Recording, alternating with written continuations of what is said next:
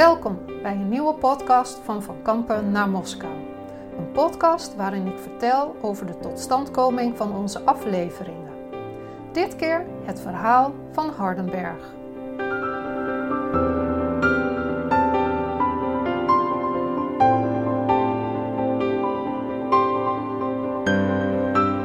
We openen de aflevering over Hardenberg al varend op de mini-vechtsomp. Voor de opnames leek mij dit een geweldig idee. Maar boy, wat waren de opnames een uitdaging. Het idee om de aflevering te openen, alvarend op een vechtsomp, ontstond tijdens de tewaterlating van de grote vechtsomp in Omme. Daar zag ik een mini-vechtsompje dopperen op de rivier. Het bootje werd bestuurd door iemand van de watersportvereniging uit Hardenberg. En gelijk daar zag ik al voor mij hoe ik al varend op dat kleine bootje zou aankomen in Hardenberg, onder een brug door. Het leek me de perfecte opening voor onze laatste aflevering van deze serie. Over hoe we het een en ander zouden gaan filmen, daar dacht ik niet echt over na. Eerst maar eens kijken of we het bootje echt konden gebruiken. De Hardenbergse Watersportvereniging bleek ook de eigenaar van het bootje te zijn en zij wilde graag meewerken. Milton begon toen al thuis wat tekeningen te maken hoe we mij in dat kleine vechtzompie konden filmen. Een tweede boot zou nodig zijn, zodat hij daar met zijn camera kon plaatsnemen. We hadden het van tevoren helemaal uitgedacht.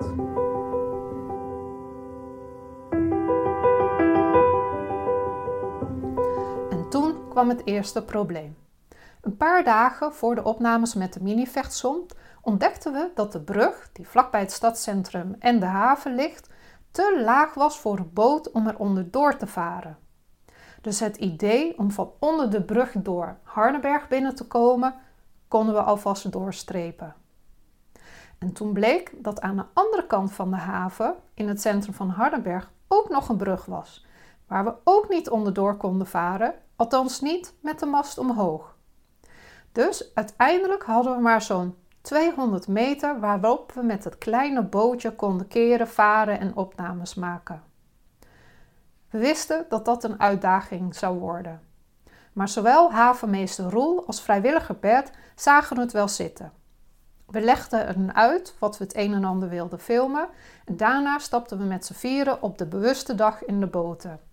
Milton ging met Roel op een motorboot en ik stapte met Bert op de kleine vechtsomp. Bert moest mij natuurlijk wel eerst wat basisdingen uitleggen over het zeilen, want ik moest meehelpen bij het keren van de boot. En op die dag stond er best een stevige wind. De eerste keer vaarden Bert en ik rustig en kalm. Het ging perfect. Alleen waren Milton en Roel te ver weg met de motorboot om opnames van ons te kunnen maken. Weer een poging. Bij de tweede poging stak een sterke wind op. Bert en ik maakten een enorme vaart maar gelukkig lagen Roel en Milton nu wel langs zij, zodat we toch de opening konden opnemen. Alleen, toen wilde de motor van het kleine zeilbootje niet meer aanslaan. En dat betekende dat we recht op de brug afstevenden. En als we niet op tijd konden draaien, betekende dat dat wij zo met de stroming mee tegen de betonnen pilaren van de vechtbrug zouden aanknallen. Ik vreesde dat wij de boot in tweeën gingen breken. Of dat we op zijn ergst ook nog onder de brug door zouden glijden, daarbij de mast zouden vernielen en helemaal zouden afzakken verder richting Omme. Kan je zeggen, ik heb een behoorlijk aantal peentjes weggezweet. Maar gelukkig, we raakten een pilaar met de zijkant van de boot en kort daarop kreeg Bert de motor toch nog aan de praat.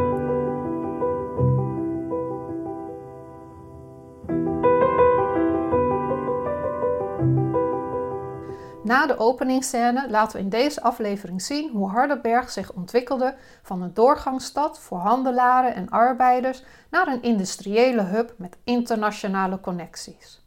En net zoals met de vorige twee afleveringen begon de voorbereiding ervan zo'n twee jaar geleden. In eerste instantie probeerde ik natuurlijk online informatie te vinden over Hardenberg. Dat ging een beetje moeizaam. Na een eerste online scan bezocht ik dan ook de Historische Vereniging van Hardenberg voor meer inspiratie. Samen met enkele vertegenwoordigers van het bestuur hebben we toen nagedacht over mogelijke onderwerpen voor deze aflevering. Onderwerpen die samenhingen met handel en internationale connecties. Tijdens mijn bezoek aan de vereniging raakte ik onder de indruk van het grote aantal vrijwilligers dat er actief was. Ik zag een enorme bibliotheek vol met boeken waar ik met plezier gebruik van heb gemaakt voor zowel de aflevering over Hardenberg als die van Bergentheim. En ook ontdekte ik hun enorme beeldbank met prachtige archieffoto's. En dan was er nog de kledingcollectie. Maar daar kom ik straks op terug. Sommige mensen mogen dan wat denigrerend doen over lokale historische verenigingen en hun vrijwilligers, maar voor mij zijn ze een hele belangrijke bron van informatie over de lokale geschiedenis. En vaak bezitten zij archiefmaterialen die heel uniek of bijzonder zijn. Er was één ding waar de historische vereniging van Hardenberg weinig tot geen informatie over had. En dat waren de Duitse landarbeiders. Tijdens de opnames in Zwolle voor Valkampen naar Moskou maakte ik voor het eerst kennis met de term Hannekemaaiers. Duitse landarbeiders die elk voorjaar vanuit Duitsland naar Noord-Nederland trokken om daar gras te maaien. Een deel van hen reisde vanaf Hardenberg over de vecht naar Zwolle, waar vandaan ze een nachtboot naar Amsterdam namen. En vanaf daar reisden ze dan weer door naar Noord-Holland om in de velden te gaan werken. Een ander deel stak de vecht over bij Hardenberg en reisde door naar onder andere Friesland, waar ze bij de boeren aan de slag gingen. Deze Duitse landarbeiders hadden vele bijnamen, zoals poepen, afkomstig van het Duitse woord boebe, wat kameraad betekent, of grasmoffen, Hollandgangers, pikmaaiers, en pik staat als een naam voor een korte zeis, en trekarbeiders. Er was één uitdaging om over dit onderwerp nog meer informatie te krijgen. Want ook al kwamen deze landarbeiders al vanaf de 16e eeuw tot aan het begin van de Tweede Wereldoorlog elk jaar naar Nederland, er is maar heel weinig over hun geschreven. Maar goed, ik heb één ding geleerd: er is altijd wel iemand die zich in het onderwerp heeft verdiept. En dit keer moest ik voor meer informatie zijn bij de stichting Hanneke Marjerspad. Een groep mensen die de route van de voormalige Hanneke zichtbaar maken en omzetten in wandelroutes. George van Peet is een van de actieve leden van deze groep. Voor ons interview kwam hij helemaal vanuit Assen naar Hardenberg. En daar in de oudheidskamer van het Stadsmuseum spraken we met hem over wie deze Hanneke nu waren. En natuurlijk stelde ik hem ook de vraag hoe het eigenlijk komt dat hij zich in Hanneke is gaan verdiepen. En wij praten hier nou met jou, want mhm. jij bent inmiddels een Hanneke expert geworden. Ja. Uh, hoe is dat zo gekomen? Nou, dat is allemaal toeval, uh, maar uh, een van de dingen is dat ik er tijd voor had. Ik, ik, ik was vrij snel gestopt met werken, zullen we maar zeggen. Ja. En ik wilde wel een aantal dingen doen. En een van die dingen was met wandelen bezig zijn. Ja. En toevallig nou, zat, zat ik bij een organisatie die ook weer toevallig een soort eerste poepenpad gemaakt hebben, noem ik het maar even. Hanneke Maispad. Ja. Uh, en toen ben ik ermee gaan bemoeien. Dan heb ik vooral eerste jaren, dus denk ik al vijf, nou, bijna 25 jaar geleden, veel onderzoek gedaan. Er was niet heel veel onderzoek. Toen wij trouwens in Duitsland kwamen, we hebben een vrij goed netwerk in Duitsland nu. Hoorden we ook dat wij de eerste waren die dat onderwerp uh, bespreekbaar maakten. Ja. Uh, maar uiteindelijk hebben we al veel kunnen vinden, nog voordat er intensief internetinformatie beschikbaar was oude kaarten, verhalen enzovoort. Er is ook wel wat gepubliceerd, ook in Duitsland wel wat. Dus uh, ja, dan groeit er langzaam in. Maar het is eigenlijk uh, toeval. Ja. Ik heb zelf eigenlijk niet. Uh, ja, als ik heel ver ga zoeken, zijn er wel Duitse voorouders, maar niet echt. en wat maakt het dat je het onderwerp van Hanneke maar zo interessant vindt? Nou, ik kijk vooral naar de systemen en naar de invloed van de cultuur. Er zijn een heleboel zaken vergeten rondom cultuur. Eh, als je bijvoorbeeld kijkt naar eh, de, de, oudste gebouwen, de, de oudste eh, kunstachtige zaken, mhm. ja, die zijn allemaal vanuit Duitsland opgezet. Vaak ook met Duitse ambachtslui. Dus, dan praat ik niet over de landarbeiders, hè, maar over andere groepen. dus uh, er ziet een hele grote uitwisseling. Die is heel groot geweest. En zeker in het noorden en in het oosten. maar ook wel op andere plekken. En dat zijn we eigenlijk al een beetje vergeten door na de Tweede Wereldoorlog uh, veel aandacht is voor het Amerikaanse systeem. Ja. Ehm, maar ja, die, die, die vergetenheid, er zit toch heel veel uh, schoonheid achter of heel veel leuke informatie. Ja. Na ons gesprek realiseerde ik mij dat het toch wel raar is dat in onze geschiedvertelling nauwelijks aandacht is voor deze eeuwenlange trek van Duitse landarbeiders naar Nederland. Het ging namelijk niet om een aantal honderd arbeiders, maar om zo'n 20.000 arbeiders die elk jaar naar Nederland trokken. En niet alleen gebeurde dit voor een aantal jaren, maar voor meer dan drie eeuwen.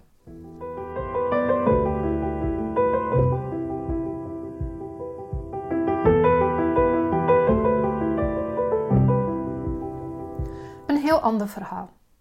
Vlakbij Hardenberg, aan de overkant van de Vecht, ligt het dorp Heemse. Lang waren Hardenberg en Heemse een soort van concurrenten van elkaar. En alhoewel Heemse niet echt bij de stad Hardenberg hoort, wilde ik toch aandacht besteden aan deze plaats. En dan vooral aan het feit dat hier de eindhalte was van de stoomtram, die naar Dedemsvaart ging. Persoonlijk vind ik het nogal een interessant fenomeen, die stoomtram. Trams associeer ik namelijk toch vooral met grote steden en niet met plattelandsgebieden. Het laat maar weer eens zien dat het oosten van Nederland behoorlijk profiteerde van de industriële revolutie. En waar zij in Amsterdam nog rondreden in paardentrams, was er in de buurt van Hardenberg tussen al een stoomtram. Beter nog, er was een heel netwerk van stroomtrams in het midden van Overijssel, met Dedemsvaart als centraal punt. Daar, naast de eindhalte van de stoomtram in Heemse, was het café van Brinkman. Deze voormalige boer was een echte ondernemer. Want passagiers die moesten wachten op het vertrek van de tram konden vaak wel een borrel gebruiken om zich wat moed in te drinken. En zij die aankwamen wilden vast wel een beetje vieren dat ze heel huids waren aangekomen. Zo'n rokende, stinkende en lawaaierige locomotief was toch best wel intimiderend in die tijd. Maar het bleef niet bij dit café. Brinkman startte ook nog allerlei andere nevenactiviteiten en verkocht een deel van zijn land met als voorwaarde dat daar het gemeentehuis van Heemse op werd gebouwd. Dat betekende immers nog meer klandizie voor zijn café. Tijdens het filmen van dit voormalige café in Heemse ontmoetten we ook de nieuwe bewoners van het huis. Ze hadden het zojuist gekocht. Deze nieuwe bewoners vertellen ons ook dat zij het huis hebben gekocht vanwege de bijzondere geschiedenis. Zij willen de buitenkant dan ook in ere laten en alleen aan de binnenkant moderniseren. Maar één ding is wel zeker: ze gaan er geen café in beginnen. En dat is wel jammer, want de erker vraagt gewoon om bezoekers die er plaatsnemen en van achter het raam de voorbijgangers observeren.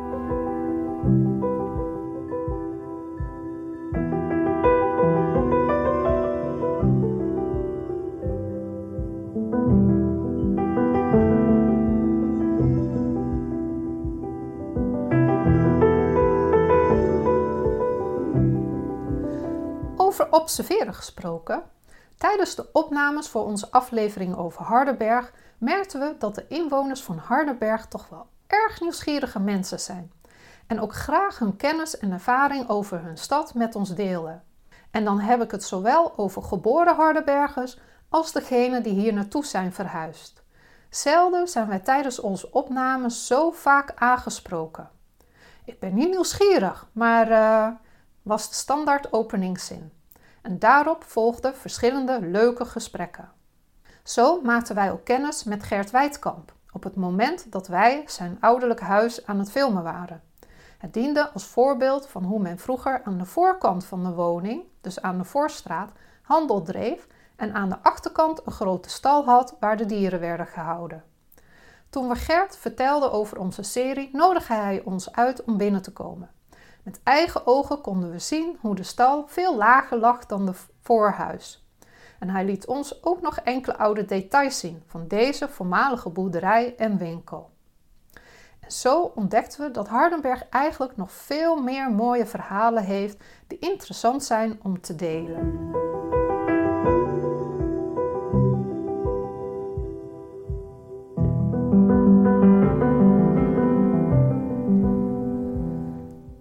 Van Hardenberg als doorgangsstad met het verhaal van de Hannekemaaiers, de Hessenweg en de tolheffing was helder.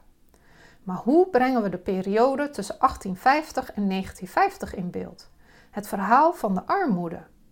Daar zijn in de openbare ruimte nauwelijks nog bewijzen van te vinden. En oude foto's laten maar zelden zien hoe erg die armoede was. Toen ik deze vraag aan de historische vereniging stelde, attendeerden ze mij op hun kledingcollectie. Een collectie die vooral bestaat uit gewone mensenkleding. Daar waar veel historische verenigingen zich toeleggen op het bewaren van mutsen en klededracht, vind ik in Hardenberg schorten, werkbroeken en eigen gemaakte jurken, naast een meer verfijnde dameskleding. En als de coördinator van de kledingcollectie dan ook nog een voormalige lerares is die vol enthousiasme haar kennis deelt, dan heb je de perfecte match. En eigenlijk hadden we zo een extra aflevering over kleding uit de beginjaren van de 20e eeuw kunnen maken. Oh, en dat hebben we ook gedaan.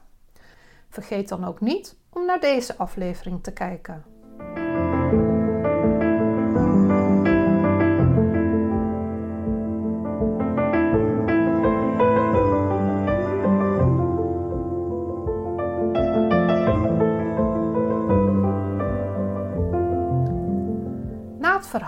Over de tijden van armoede is het tijd voor de jaren 50, de start van de economische opleving. En wie Hardenberg zegt, zegt dan ook al snel Wavin. En als iedereen Wavin zegt, dan zeg ik, daar gaan we dus niet heen, want ik wil niet het geëikte verhaal vertellen. Er zullen zeker mensen zijn die het jammer vinden dat we in deze aflevering geen bezoek hebben gebracht aan dit internationale bedrijf maar voor ons was een bezoek aan Waving te voorspelbaar. Plus, de hele economie van Hardenberg draait niet alleen maar op de Waving. Veel lokale bewoners en bedrijven hebben in de afgelopen decennia hun kansen gepakt. Soms geprofiteerd van de aanwezigheid van Wavin, maar soms ook volledig op eigen gelegenheid en kracht. En behalve Wavin zijn er dus nog veel meer bedrijven in Hardenberg die hun diensten en of producten leveren tot ver over de grens. Denk aan Heuver met haar bandenhandel en de diverse PVC-componentenfabrieken. Tijdens onze verkenningstocht ontdekten we zelfs een houthandelaar die een eigen zagerij in Suriname heeft. Dat is alleen één ding. De meeste van deze bedrijven staan niet te springen om voor de camera te vertellen over hun succes. Waarom dat is? Misschien omdat de lokale ondernemers nuchterder dan nuchter zijn? Of is men gewoon gefocust op de werkzaamheden van hun bedrijf en hebben ze niet zo'n behoefte om zich via niet-relevante media te profileren? Veel bedrijven in Hardenberg werken namelijk voor andere bedrijven en richten zich niet op consumenten. Maar misschien heb ik ook gewoon te weinig moeite gestoken in het benaderen van bedrijven. Er waren immers zoveel bedrijven uit uitkiezen dat ik eigenlijk ook niet precies wist welk bedrijf ik nou het beste kon uitlichten zonder anderen tekort te doen. En wat doe je als je niet kunt kiezen? Juist, dan laat je die diversiteit van bedrijven zien, zodat iedereen weet dat Hardenberg vandaag de dag een echte economische hub is.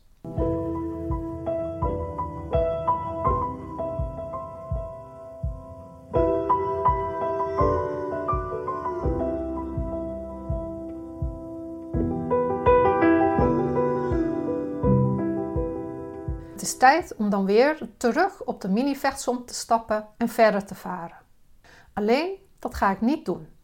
Want in de afgelopen drie jaar zijn mijn ogen opengegaan voor de unieke verhalen en bijzondere geschiedenis van de dorpen en steden in Overijssel.